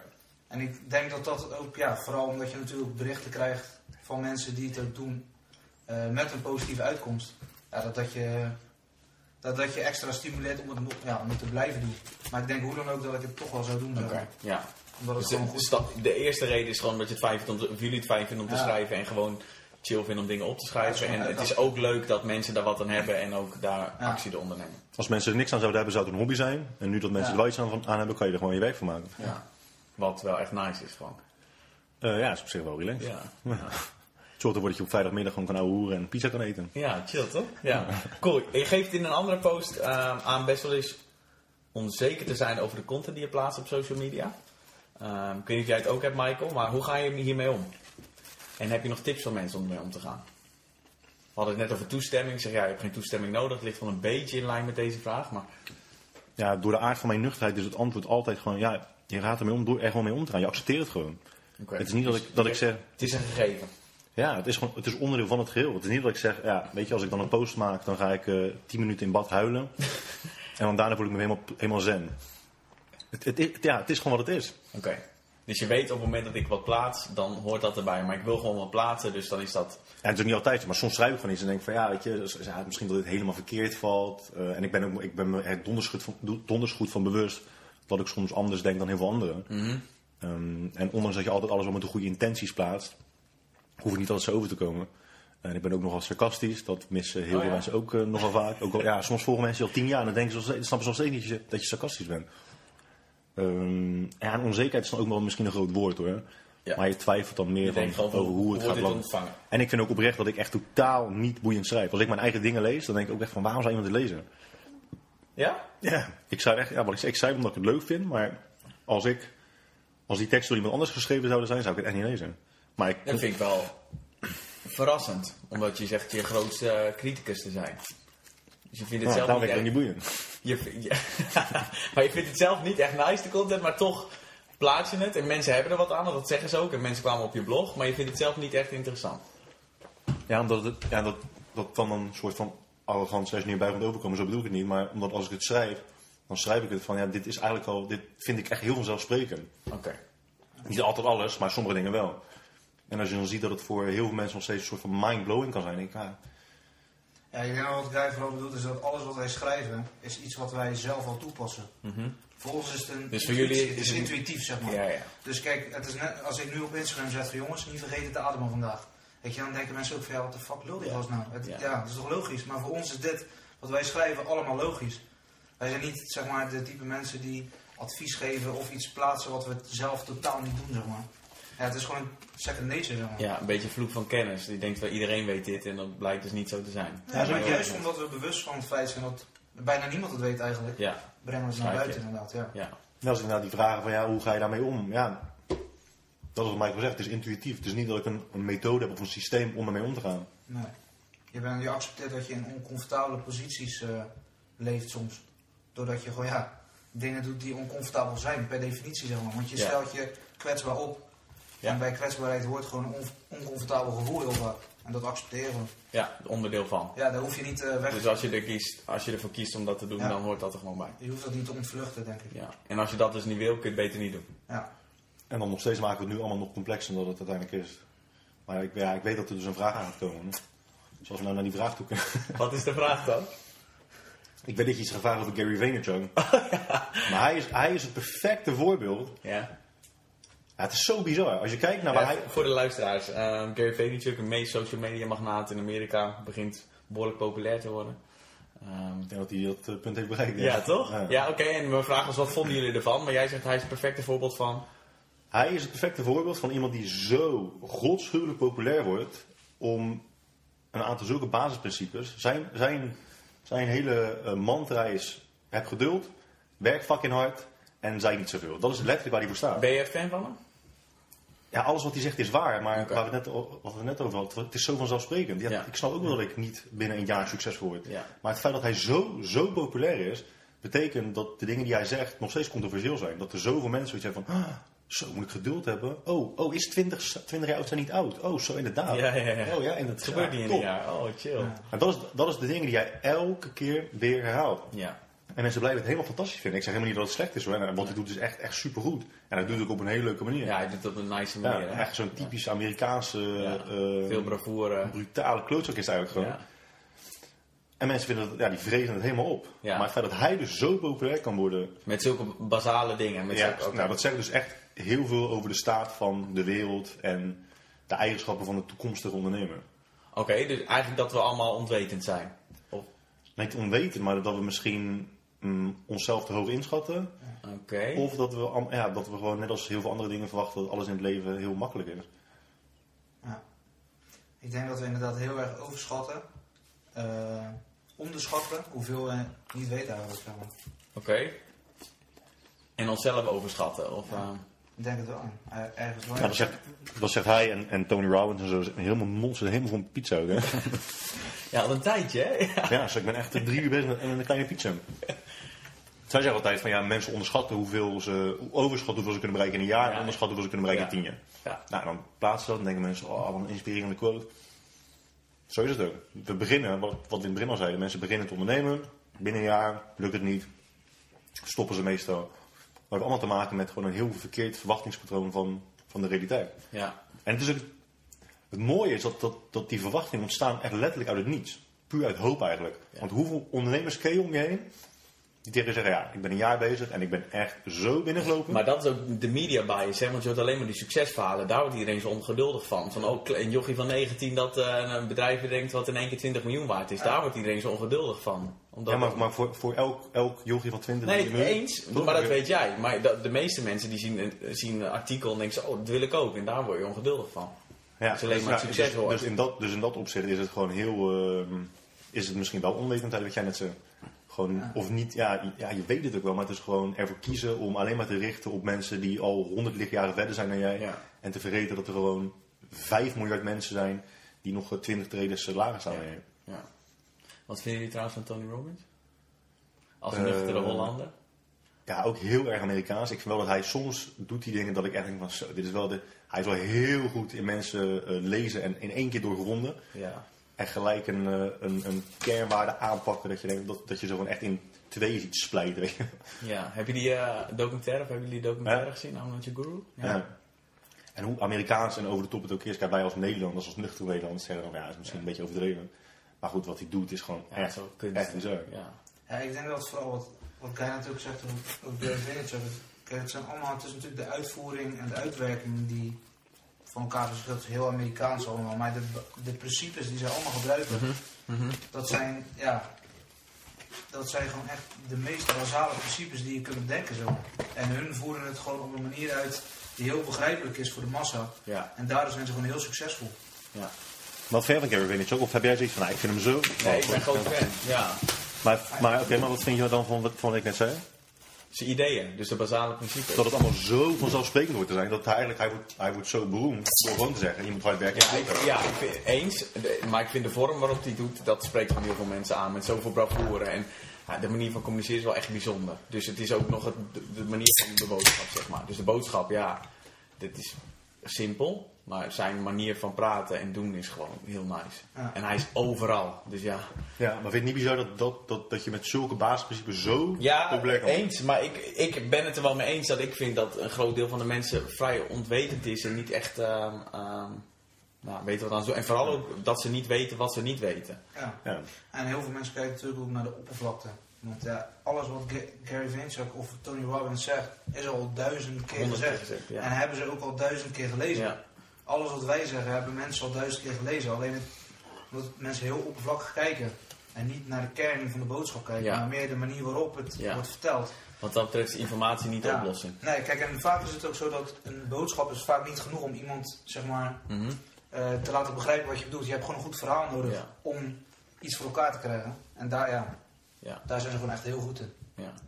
Daar gaan we het ook nog kort hebben over, eh, kort over MB The Brand. Dat eh, mensen zoeken altijd naar vernieuwing. Die willen zo, zoiets zo, zo nieuws en origineels ja, en en niet... zo effectief mogelijk. Dat hoor ik ook zo. Ja, Ja, terwijl frequentie, frequentie is effectiever dan een vernieuwing. Dat is wat, wat je net zei, dat hij, het zo vaak, hij post zo vaak hetzelfde. Maar het is juist de frequentie die het zo effectief maakt ook. De frequentie Oké, van de dus hoe vaker iemand iets hoort, hoe, s- hoe groter de kans is dat iemand daadwerkelijk Ja, actie onderneemt. ja, dat is vaak effectiever dan iets heel nieuws verzinnen. Dat hebben mensen ook met schrijven. Dan willen ze iets schrijven wat zo origineel is. Maar mensen verwachten helemaal niet het meest originele, meest poëtische bericht ooit geschreven. Is dat ook iets wat jullie, eh, de mensen van Be The Brand, zeggen? Dat het niet gaat om het nieuwste, maar dat je gewoon zegt Ja, ja, consistentie ja. en Ja, gewoon iets wel kiezen een, en eh, dan alleen maar gewoon dat... Ja. hey, ja. Ja, ja zeker. Daar gaan we het wel over hebben. Misschien is het voor jou ook nog Be The Brand. Ja. Misschien het ook wel leuk. Toch? Ja, ik hoor wel dingen waar ik nog wat aan heb, ja, zeker. Ehm, kort over de fitnessindustrie. Niet te lang, want eh, ik heb leukere dingen om met jullie te bespreken. Maar wat zijn volgens jullie trends in de fitnessindustrie die zich de komende jaren gaan ontwikkelen? Of misschien wel dingen die gaan verdwijnen? Misschien eh, online ten opzichte van face-to-face of trends waarvan jullie denken dit gaat sowieso Mag komen. jij eh, Vraag, man. Betalen aftrappen? met cryptocurrency of zo, I don't know. Als iemand eh, mijn eh, public key wil hebben van Bitcoin om eh, te doneren. Wat er bij ons gaat veranderen. in ripples of zo. Ja, dat is een goede vraag eigenlijk. Trends in de toekomst. Ik denk dat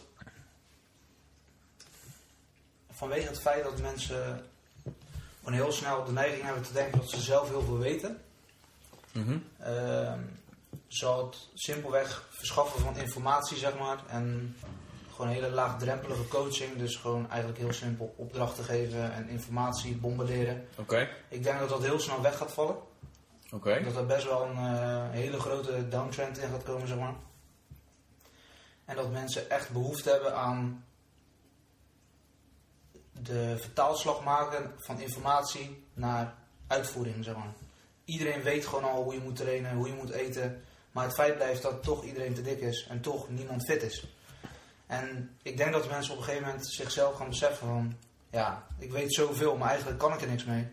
En dat ze dan op zoek gaan naar, eh, naar coaching, naar begeleiding. Oké, dus jij denkt wel dat het coaching, dus het begeleiden Ja, en een stok achter wel- de deur, dat dat groter gaat Ja, maar worden. ik denk wel dat echt zeg maar, de, dat de, de gap die je nu ziet, zeg maar, de heel veel verschillende niveaus, van laagdrempelig naar hoog, dat er heel veel niveaus weg gaan vallen. Mhm. En dat eh degene die echt eh, ja, de vertaalslag kunnen bieden van informatie naar echt praktische kennis, dus iets wat je kan toepassen, Mhm. dat dat hetgene is wat blijft staan. En ik denk dat de massa producten, diensten, et cetera, weg gaan vallen op een gegeven moment. Ja. Of dat die in ieder geval veel minder eh, Oké, prominent, eh, aanwezig zullen zijn. interessant. Zeker. Nou, fijn weekend allemaal. Mic drop. Ehm, ja, ik denk, eh, wat Michael net ook al een beetje zei, en wat jij net ook al eerder zei, iedereen heeft, het is een open publiek, het is, eh, het is gratis om informatie de wereld in te knallen. En alles wat wij nu schrijven is ook al inmiddels duizend keer geschreven. Toen ik in 2010 met mijn blog begon, alles wat je schreef, dachten mensen echt van, "Zo, dit is echt mindblowing. Heel veel niet acht keer per dag te eten, echt niet normaal, dat wist ik Ja, intermittent fasting Ja. had jij, heb je al echt, als ik dat opzoek, dan kom jij bovenaan echt Oh, echt? 2010 of zo. eh. Oh, nice. Ja, SEO. Echt. Ehm ja, ben ik helemaal, helemaal mijn hè. ik zat er zo lekker in. Ja, ja, ja. Ah, oké. Ik weet Ja, oh ja, en er is, er is de laatste jaren is er niet heel veel meer van dat soort nieuwe informatie aan het licht gekomen waarvan mensen hebben van, zo, dat is echt, echt bizar. En als je dat wel wil kunnen, Mhm. heb je ook veel meer nodig dan alleen basiskennis. Neem bijvoorbeeld Menno Henselmans eh, Ja. of, een, of een Chi van Chivo. Die kunnen zo goed onderzoek ehm, interpreteren en de vertaalslag maken naar praktische, eh, praktisch advies. Dat zij zullen altijd revolutionaire dingen blijven posten. Ja. Maar voor 99% van de mensen gaat dat echt niet op. Dus ik denk dat het echt een heel stuk moeilijker gaat worden om, ehm, om uiteindelijk geld te verdienen in deze branche. Als je het op die manier aan gaat pakken. Ik denk dat je, ondanks dat ik net zei dat frequentie belangrijker is dan vernieuwing, denk ik dat vernieuwing ehm, een must wordt binnen een hele korte tijd. Als je dat niet doet, dan, dan val je gewoon helemaal weg. En ik ben ook heel erg benieuwd eh, hoe, wat we gaan zien met eh, artificial intelligence en zo. Ja. Misschien dat we wel echt eh, dat je een soort van kick personal trainer hebt die naast je staat, maar ook weer niet. Dat ik gewoon, Gewoon, op ja, afstand. ja, visueel. Ja, dat zou- dat zou wat tof zijn. ja, dat ik gewoon altijd, lekker wijf. dat ik in mijn hangmat eh, lekker wij, dat ik gewoon vanuit mijn hangmat uh, PT zou kunnen geven. Ja. ja, dat hoor ik ook wel eens dat dat misschien wel een trend En of het komt, weet ik niet. Misschien worden we uiteindelijk wel allemaal cyborgs. Ja. Allemaal niet meer in de sportschool. Ja, dat je gewoon biceps in kan Ja, implementeren. Ja. En, en qua trends, ja, het is wel duidelijk dat nu, eh, dat nu eh, wedstrijd bodybuilding echt een trend is. Iedereen en zijn moeder wil eh wedstrijd bodybuilder worden. Ja. ja, is het, eh, Ja, het is nog wel een beetje een trend. is dat niet, ook niet de bubbel waarin jullie leven? Oké, Nee, nee, nee. nee, nee. dat is echt... ja, nee, het oké. is echt, het is ja, echt het booming. is wel, best wel booming, ja. ja. Het is echt booming. Ja. Ja, kan je sceptisch kijken? Ja, nee, ja, ja, ja. Ik ben benieuwd waarom. Ja, ik heb altijd, ik heb, ik, heb altijd gewoon, oh, nou, dat, dat weet ik niet, maar ik heb altijd, ja, waarom mensen het leuk vinden, ja, hun moment om te shinen. Zichzelf op een manier uitdagen zoals, ze- zoals ze nooit eerder hebben gedaan. Eh, een stukje samenhorigheid. Ik denk dat het heel, eh, een heel groot deel samenhorigheid Ja. is. Van, oh ja, mijn beste vriendin doet de wedstrijd. Ik wil ook een wedstrijd doen. Want mijn vriendin gaat om met tien andere meiden die ook een wedstrijd doen. En ik wil ook bij dat clubje horen. Want ik vind dat ik eenzelfde soort type ben als dat zij is. Ja. En types zoals zij doen aan Ja. wedstrijdbodybuilding. Dus ik wil het ook doen. Ja, Of bikini fitness, sorry. bikini, Bikini fitness. Het is geen, het is bikini fitness. Ja, als, ik, als ik vrouwen en wedstrijdbodybuilding in één zin ga zeggen, dan krijg ik weer kritiek staan. Oké. Bikini, Bikini fitness. Bikini fitness. Oké. Ehm, ik ben groot fan van ochtendroutines. Ik ben heel nieuwsgierig naar die van jullie. Zijn er specifieke dingen die jullie doen? Of? Snoe- behalve snoezen, kijk. Behalve Doe jij snoezen. deze maar. Ik eh, snoes 14 keer. Wapper ik even de dekens eh, 23 keer omhoog voordat ik eh haren fokker. Nee, ehm, nee ja, mijn, mijn ochtend, ik heb geen ochtendroutines. Nou oké, eerlijk, ik word wakker, altijd zo laat mogelijk. Omdat ik ook altijd zo laat mogelijk naar bed ga. En het eerste wat ik doe is mijn eh, crypto portfolio checken. en nogmaals, als iemand mijn public key wil voor de donaties de dan- stemming eh, van je dag. Nee, ik heb geen, het heeft geen eh, emotionele invloed op me. Maar ik, ik check het wel altijd even. En dan, eh, en dan, zie, en dan zie ik altijd appjes en eh gemiste oproepen van eh, vrienden en familie. Die negeer ik dan. Zodat ik nog meer kan lezen over crypto. nee, ik, ik vind het altijd heel belangrijk om even wakker te worden en gewoon niet gelijk iets te doen. Wel gewoon eerst mijn oogje lopen. Misschien een muziekje luisteren. En dan, eh, en dan rustig de dag beginnen. Vind ik belangrijk. En dat is wel tegenstrijdig, want ik zeg net zo laat mogelijk opstaan en dan nog steeds doe ik het rustig. Maar verder heb ik geen ochtendroutine. Ja, mijn tanden poetsen. eh, dat doe ik over het algemeen wel in de ochtend. Dat is En, wel eh, handig. en douchen, douchen Ja, doe ik ook. dat is ook nice. Ja. Ja. Alleen op maandag. Bijzonder. Ja. ja, maar ik, ik, ben- geen Tim Ferriss. Hè. Ik heb niet dat ik 10 minuten ga mediteren en Nee? vervol- nou ja, vervolgens eh, gras, eh, grass, fat beef eh, eten. Bulletproof koffie. Bulletproof koffie. Eh, Heel goed. een journal schrijven. en, Nee, dat doe ik ook niet. Dat Ja, zijn dat je dat s'avonds moet doen, hè? In een journal schrijven. Ja. Beide volgens mij, zegt, zegt Tim Ferriss. Oké, beide. Beide. Ehm, ja, ik ben vooral altijd heel gehaast. Oké. Ik ben vaak ik ben heel slecht met tijd. Ehm, Italiaans, hè? Ja, ik wou net zeggen. Ja. ja, ik heb wel het excuus bevoren. gehad, ja. Echt racistisch. Nee, ik ben vaak gehaast. Maar ik heb eigenlijk wel één ding, wat, altijd standaard, wat ik standaard doe. En dat is eh, een podcast luisteren in de auto. Dat doe ik wel echt altijd. Dit keer wel de podcast? Of? Nee, ik, doe, ik luister altijd iets. Deze ga ik ook luisteren. te luisteren. Oké, altijd de podcast. Ja, dus, oké. ja. Om gewoon nieuwe informatie binnen te krijgen. Wat is je Eh, favoriete podcast trouwens? Oeh, ja, dat heb ik niet echt eigenlijk. Omdat ik, ik volg heel veel, zeg maar. Heel veel psychologie, training, eh, heel veel verschillende dingen. Crypto. nee, ik vind het, ik weet niet, ik vind het gewoon eh, leuk oprecht, zeg maar. Om, ehm, om mezelf te verbeteren in de dingen die ik doe. En Dus dat is wel echt iets standaards wat ik, eh, ja, wat ik gewoon echt al jaren doe. Oké. Elke ochtend in de auto en voor het slapen lees ik altijd. Dat zijn eigenlijk de enige twee dingen die, eh, ja, die een routine... Bitcoin 9000 euro, hè? Is het, is het dan niet gebroken of niet? Zijn stemming wordt er verder niet door beïnvloed. Big smile op zijn gezicht. Ik wilde echt gewoon, daarom moest ik net lachen toen ik zei, nee, je moet je routine op invloed. Want ik had het al gezien. Wat goed, man. Ja, alleen maar omdat jouw technical analysis nu is uh, omkracht. Dat ja. Hoeveel kon je gisteren kopen? 800, 700 euro, hè? Hoeveel is het nu? 9000. Mooi. Oké, okay, vier uur moet jij... ehm, Je moet om tien voor vier de deur. Oké, dan... eh, Huilen? ja, dat moet goed komen.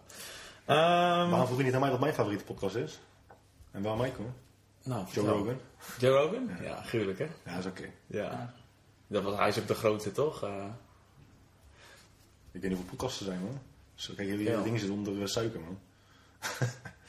ik kan ook oliebol nemen. Mensen toch niet, ja, doe dat. Eindelijk kun je weer normaal praten, maar nu eh, is hij weer met zijn bek vol. Ehm, ja, ik heb je podcast met Peter Joosten geluisterd van ehm, Project Leven. En toen zei je, peak performance is voor mij meer de kleine dingen doen van 's ochtends vroeg tot 's avonds laat. Ja, ik moet eerlijk zijn, ik heb alleen maar die vraag beantwoord omdat ik antwoord moest geven op mijn vraag. Oké, dus daar heb je geen idee aan. Ja, nee, maar hij eh, was een hele leuke podcast trouwens. Ook een hele leuke gozer is, Ja. is het.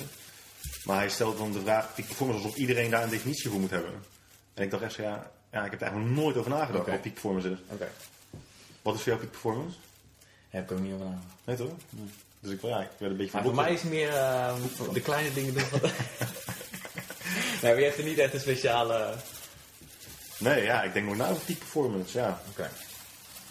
Nee. Andere Goed. vraag dan. Aan jullie beiden. Welk boek heeft jullie leven veranderd?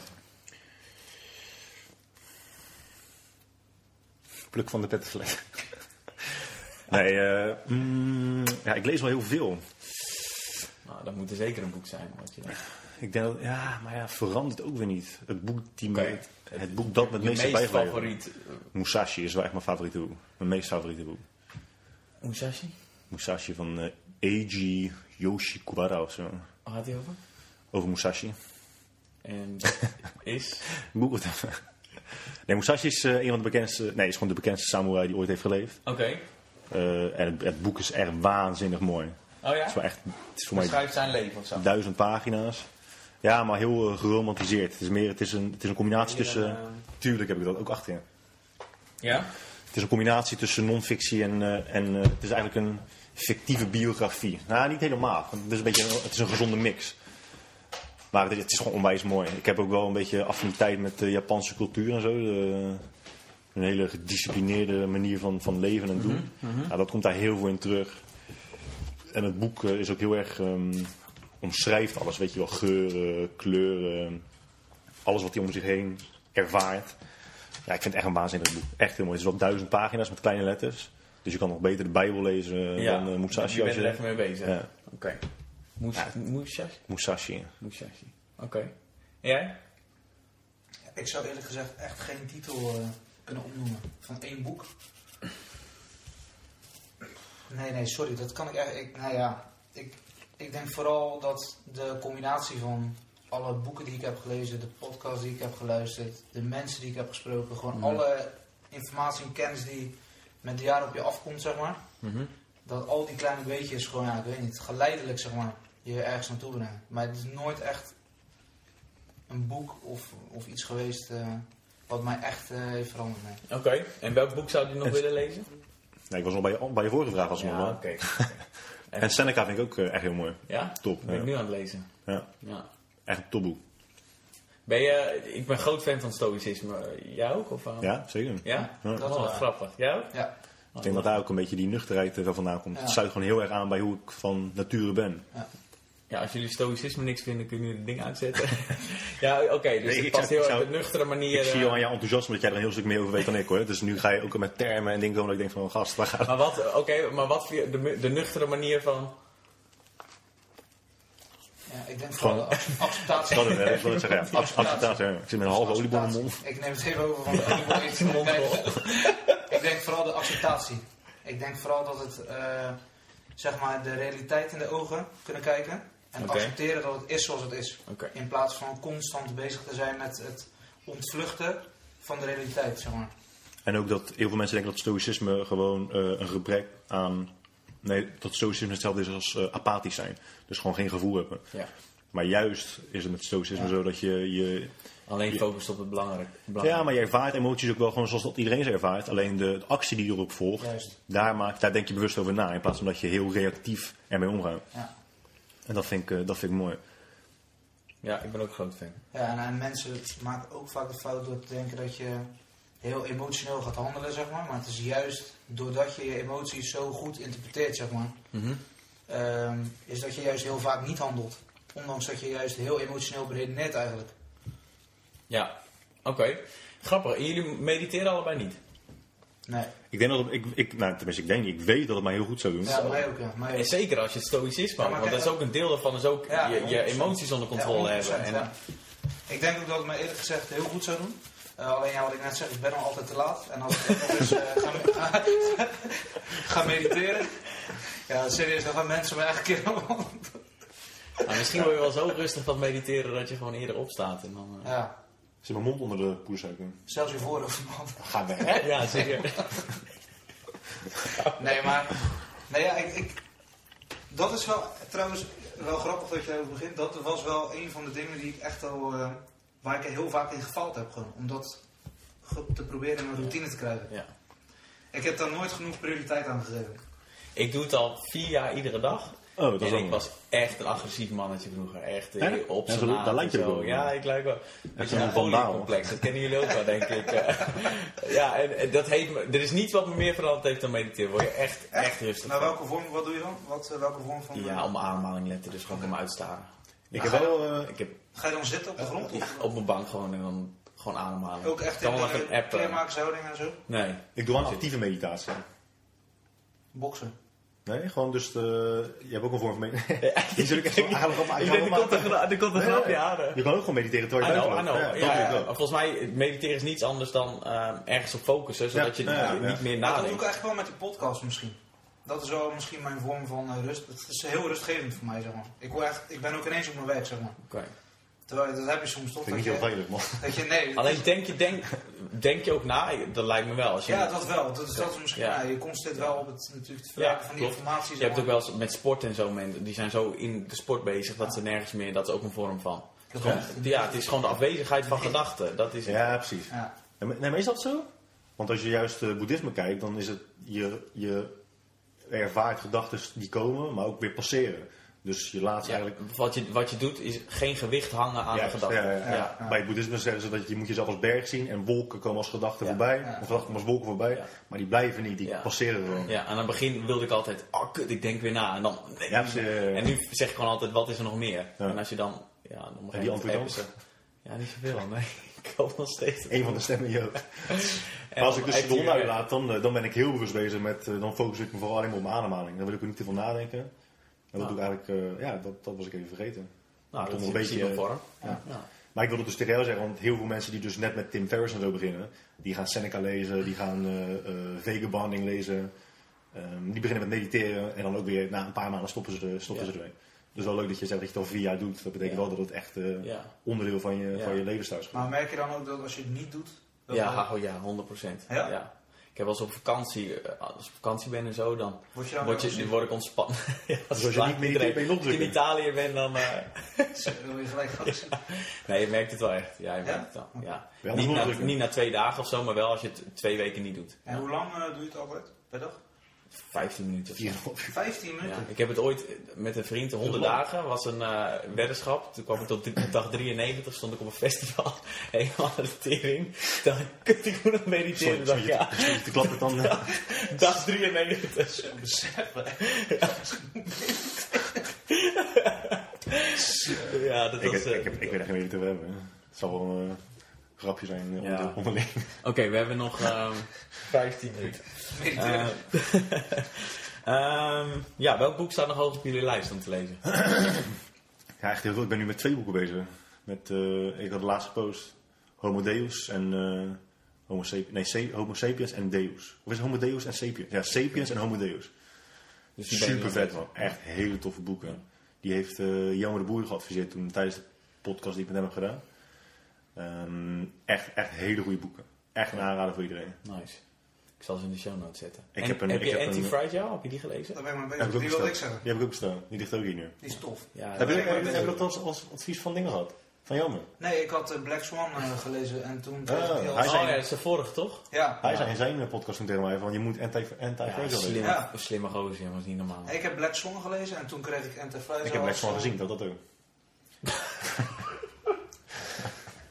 Dat ook. Ik heb op mijn computer een, eh, een eh, must-read lijst staan van alle boeken die ik nog wil lezen. Die is echt nog fucking lang. Ik ben Ja. echt tot, tot mijn 400ste mee bezig. Ja, Nee, Anti-Fragile was top. ja goed.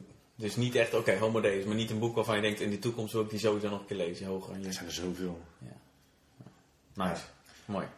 Waar, ziet, ehm, waar zien Guy Droog en Michael tegenop? Eh, even happy ending. Dat zijn twee drie gasten na. Waar, waar ze tegenop zien. Ja, wat is iets waar jullie, misschien op dagelijkse basis, of dingen waar jullie tegenop zien? Niks, joh. Zo, ja. Rood portfolio. Hè? Een rood, Een rood ja, een portfolio. rood crypto portfolio. nee, ehm zo, ja, goeie. Ehm, Ja, nee, ja, niks. Niks waar ik dagelijks tegenop... Als ik, als ik iets zou waar ik dagelijks tegenop zou kijken, zou ik het al lang verbannen in ja, mijn leven. ja, dan zou ik het echt eh, fixen gewoon echt. Oké. Dus niet echt. Nou, ja, maar soms dingen waar ik dan van Nee, denk, ja, kloten. Muggen bijvoorbeeld heb ik echt een hekel aan. Ja, nee, dat is vervelend, ja.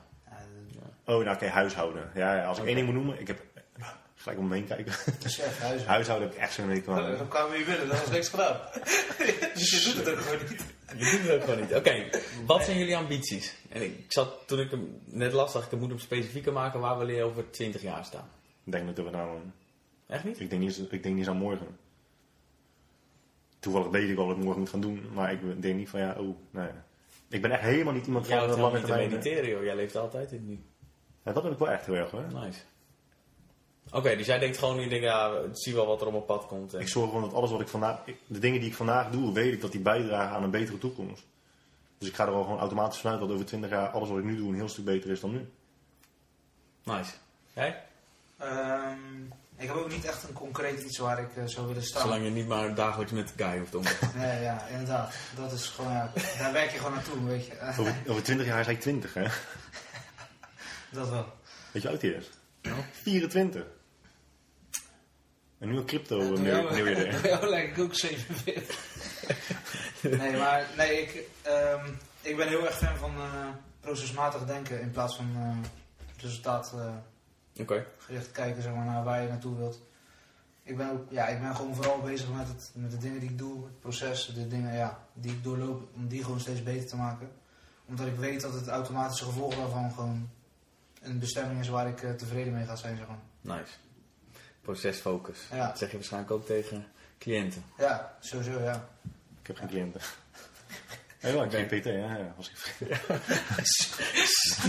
Knip ik er wel uit. Oké, ik heb nog een ehm, quick five. Dan mogen jullie zelf weten of jullie eh, lange antwoorden geven of gewoon één zin zeggen. Nou, gezien de tijd zal het wel redelijk korter worden. Daarom quick Ehm, toch? Je wil ze snel hebben. Wat zeg je? Het feit dat er quick staat. Ja, maar dat je maakt zo- niet uit. Ik geef je gewoon vrijheid. creatieve vrijheid dat. Ja. Eh, verleden of toekomst? Sowieso toekomst. Waarom? Ja, nee, hoezo? Waarom, waarom niet? Wat heb je nou in het verleden? Ja, het vormt wie je vandaag bent, maar... Oké. Ja, ik ga, ja, nee, nee, nee. Hoezo? Waarom? Daar ga ik niet naartoe. Ik ga niet naar het verleden. Oké, dit is Dus omdat je ja. naar de toekomst gaat, toekomst. Dat is het enige wat nu nog relevant wordt. Oké. Toch? Ja. Zou jij verleden kiezen? Nee, ik heb er nog niet over nagedacht. Nee, ik ben nu, het is quick five. Vijf. Oké, ehm, Sowieso toekomst. toekomst. Hoezo? Ja, dat we gaan. Oké, jij. Nu zeg jij verleden. Verleden of toekomst? Ik zeg verleden man. Nee, man. Ja. Nou, dan waarom?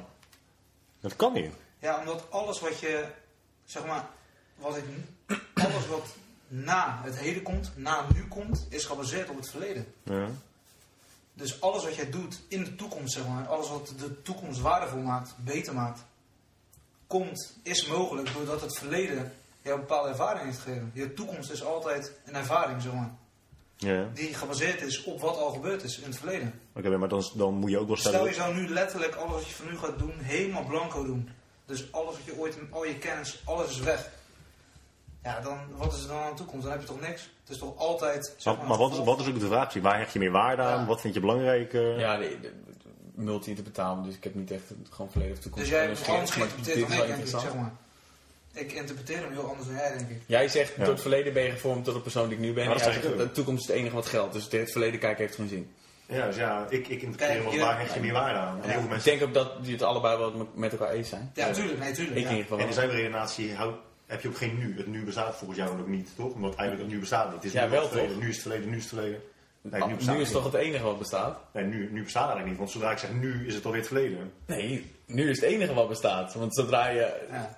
twee seconden geleden is alweer het verleden. Ja, in en je kunt ook niet in de In toekomst de, in de praktische zin, maar in de theoretische zin bestaat het nu eigenlijk niet. Want zodra je het zegt, Toch alleen maar? is het al geweest. Nee, het is toch alleen maar nu? Dat is toch de Ja, theorie? maar op, op, op elk moment dat jij dat zegt, of dat jij het nu ervaart, is het al geweest. Ja, kijk, je hebt zeg maar, je hebt de toekomst is niks. De toekomst bestaat, kijk, in principe de toekomst is niks, zeg maar. Is gewoon, ja. Ja, en het verleden ook niet, want Ja. het bestaat ook niet meer. Nee. Het Nee, verleden. maar het verleden is Maar dus wel- daarom is alleen... Want het verleden bestaat toch niet meer? Nee, De maar, toekomst is het toch nog niet? Nee. Wat blijft er over? ja, maar nu is altijd gevormd door wat Nee, tuurlijk. Eens. komt, zeg maar. Tuurlijk, ja. Dus ja, ja, waar hecht je meer waarde aan? Ja, je zou meer waarde moeten hechten aan de toekomst. Wel, Nou, weet ik niet. maar je beseft, ja. Ik, tenminste, zo zie ik het. Ja, nice. En kijk, eh, leeftijd, hè? Als, ik, als, je, als je die vraag aan me stelt, vraag aan me stelt als ik 95 ben, zeg ik waarschijnlijk verleden. Verleden. Ja, Ja, ik omdat vind daar je de waarde legt. Ja. Ja. Het is heel makkelijk om nu te zeggen dat ja, het leven het nu, het leven het nu. Maar hoe je het ook brengt of verkeerd, zeg maar, als je in het nu leeft zonder het grote plaatje heel diep van binnen te zien, dan Mhm. doe je gewoon geen flikker. Daar komt het gewoon neer. Eens? Er is altijd, als je heel diep graaft, een, een bepaald toekomstbeeld, zeg maar de big picture. Ik zeg niet dat je dan al met je hoofd daar moet zijn, zeg maar. Maar wel nu de acties nemen om daar... nu de acties nemen, om, je Ja. weet gewoon dat je dat heel diep ergens in je hoofd hebt, zeg maar. Nou, deze hebben we zelf beantwoord, toch? Ja, zeker. Eh, Vijf en op Welke,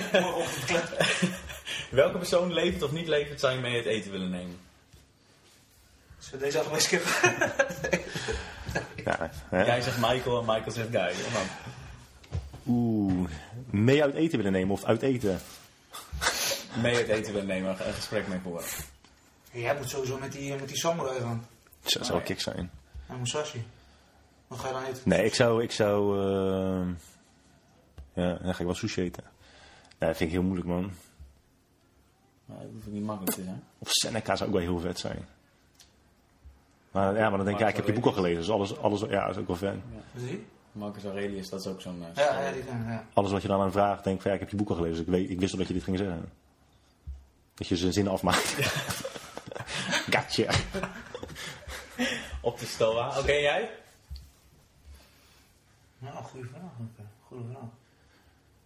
Ik zou iemand, ik, zou, ik kan, kan geen naam zeggen, maar ik zou een keer willen zitten bijvoorbeeld met echt een bovengemiddeld getalenteerde, intelligente Ja. psycholoog of zo. Ja, psycholoog. Die gaat, die gaat doorgronden of zo, weet je wel. Ja. Ken je die? Nee. For Meaning? Die Jood die in de... Ik ja, ik heb- Zo, dat boek moet je echt lezen. Ja, die Joden met hem. Ja, ik, Nee. ik ben eh, inderdaad ook... eh, Dat zou ik wel heel kick dat vinden. een hele Ja. Ja, Kijk hoe ik mensen je kunnen lezen en inschatten en zo. Het boek moet je trouwens echt lezen. Heet Search for Meaning. Man's Search for Meaning. Man, search for meaning. Ja. Ja, tof. Derde vraag. Praten of luisteren? Luisteren. En luisteren, man. Anytime. Ook al praten we echt fucking veel, hè. Dus besef hoe belangrijk we Ja. luisteren vinden. Ja, Ik kan niet zo. Ja, ik praat, ik praat omdat er vragen gesteld worden. Omdat iemand een vraag stelt. Rijkdom of invloed? Rijkdom, daar krijg je ook invloed mee. Oké. Maar nee, rijkdom definieer ik in deze vraag als eh, gezondheid, vriendschappen, geluk. Dat is wat rijkdom voor je. oké, oké. Ja. En, en geld ook als het nog even kan. Ja, dat is ook En daar koop je invloed mee. Oké, chill. En bitcoins. Eh, Heb je ook bitcoins? nee. Bitcoin of Ethereum? Ethereum. Praten over bitcoin? Of praten over andere dingen? Praten over bitcoin. Oké, content maken of content consumeren? Maken. Ik consumeer echt bijna geen content. Oké, behalve boeken. Behalve Seneca Behalve- van eh, 10.000 bladzijden. Vooral weken. boekenlijst. Oh ja, sorry, ik, ik, 400 zat- ik dacht dat je met content, vooral digitale content. Ah, nee, eh. oké. Maar alle content. Consumeren. Oeh, dan wordt het wel lastig man. Ik consumeer. Oké. Als ik geen, niet zou consumeren, zou ik ook niet maken. Oké. Dat is een goeie. ja. Mag ik me daarbij aansluiten? Ja, vooruit. Oké. Ja, mag dat wel? Ik kies dan ook, ook. Vooruit, ja. Ja, als je boeken ook zegt. En Netflix. Is dat ook content? Dat is heel consumeren. Eh, voordat ik de laatste vraag stel, waar kunnen mensen jullie online vinden? Ik heb zo'n idee dat iets met Guy Droog. Eh, volgens mij is het guydroog.com. Oké. Spelling eh, weet ik niet precies. Droogtrainer. punt. Guydroog.com. Guy underscore droog Instagram. Ehm, ja, dat zijn wel de twee meest relevante plekken. Oké. Michael kan je vinden op michael.guydroog.com. Voor al je training en voedingsgerelateerde vragen. En eh, Instagram of Facebook? Ed Michael Savine. Oké, Michael Savina. Ja, Is het apenstaartje. apenstaartje. Stel, jongens, dat jullie er over ehm, heel veel jaren niet meer zijn. Wat willen jullie dan dat mensen over jullie zeggen? Waar zou je voor herinnerd willen worden? Mijn kapsel, man. Daar word je sowieso voor herinnerd. Ja. Je kapsel. Ik weet, ja. Nee, ik. eh, die mensen die eh, me dan herinneren zijn waarschijnlijk ook al dood allemaal. Ik, ja, wij- Hoe doe je helemaal niet? Ik word sowieso ouder dan jij wordt. Ja, Ik word je sowieso ouder, krijgt. Ik ben. eh, Ja, ik, ja, ik hoop gewoon dat mensen je gewoon een goed mens vinden, man. Oké. ja, dat vind ik ook wel. Ik zou het wel vreemd vinden als mensen gewoon, als ze niks zouden doen als je overlijdt. Dat zou ik, eh, ja, shit happens. Dat zou ik wel jammer vinden. Ik hoop dat ik enigszins een, eh, een zodanig invloed op mensen omheen heb kunnen, kunnen hebben gehad. Ja. Dat ze je wel in ieder geval een dag missen. Zal wel lekker zijn. Thanks voor het luisteren van de podcast. Ik waardeer dit enorm. En ik hoop dat je nuttige dingen hebt gehoord. Of dat je het gewoon amuserend vond om naar ons gouden hoer te luisteren. Als dit het geval is, vergeet je dan niet te abonneren.